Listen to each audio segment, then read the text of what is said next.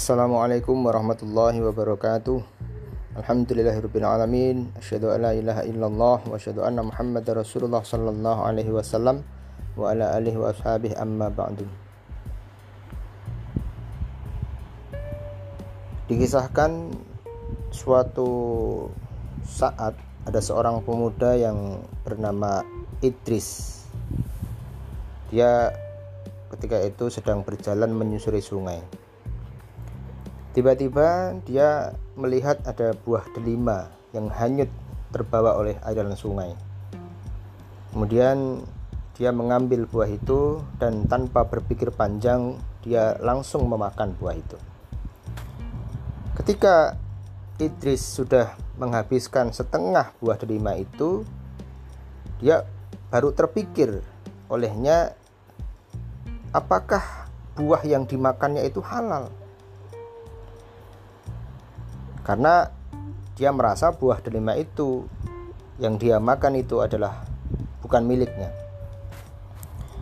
Kemudian Idris berhenti makan. Kemudian dia berjalan ke arah yang berlawanan dengan aliran sungai itu untuk mencari di mana ada pohon delima. Sampailah dia di satu tempat yang di situ ada pohon delima yang lebat buahnya, persis di pinggir sungai. Kemudian dia yakin bahwa buah yang dimakannya itu jatuh dari pohon itu. Idris lantas mencari siapa pemilik pohon delima itu. Dan bertemulah dia dengan sang pemilik, seorang laki-laki setengah baya. Idris bertanya kepada laki-laki tersebut, "Wahai Bapak, saya telah memakan buah delima Anda.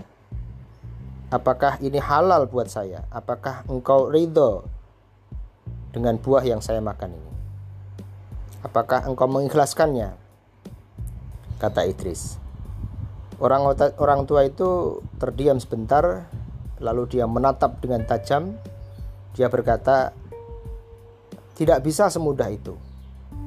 Kamu harus bekerja, menjaga, dan membersihkan kebun saya selama satu bulan tanpa gaji, katanya kepada Idris.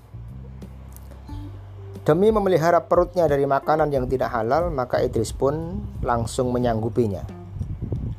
Sebulan berlalu begitu saja, Idris kemudian menemui sang pemilik kebun. Wahai Tuan, saya sudah menjaga dan membersihkan kebun Anda selama satu bulan. Apakah Tuhan sudah menghalalkan delima yang sudah saya makan? Sang pemilik kebun menjawab, "Oh, tidak bisa. Masih ada satu syarat lagi. Kamu harus menikahi putri saya." Putri saya itu seorang gadis yang buta, tuli, bisu, dan lumpuh. Idris pun terdiam. Tapi kemudian dia berpikir bahwa dia harus memenuhi persyaratan itu. Idris pun kemudian dinikahkan dengan gadis yang disebutkan tadi. Sang pemilik kebun menikahkan sendiri anak gadisnya dengan disaksikan beberapa orang tanpa perantara penghulu. Setelah akad nikah berlangsung, sang pemilik kebun memerintahkan pada Idris untuk menemui putrinya di kamarnya.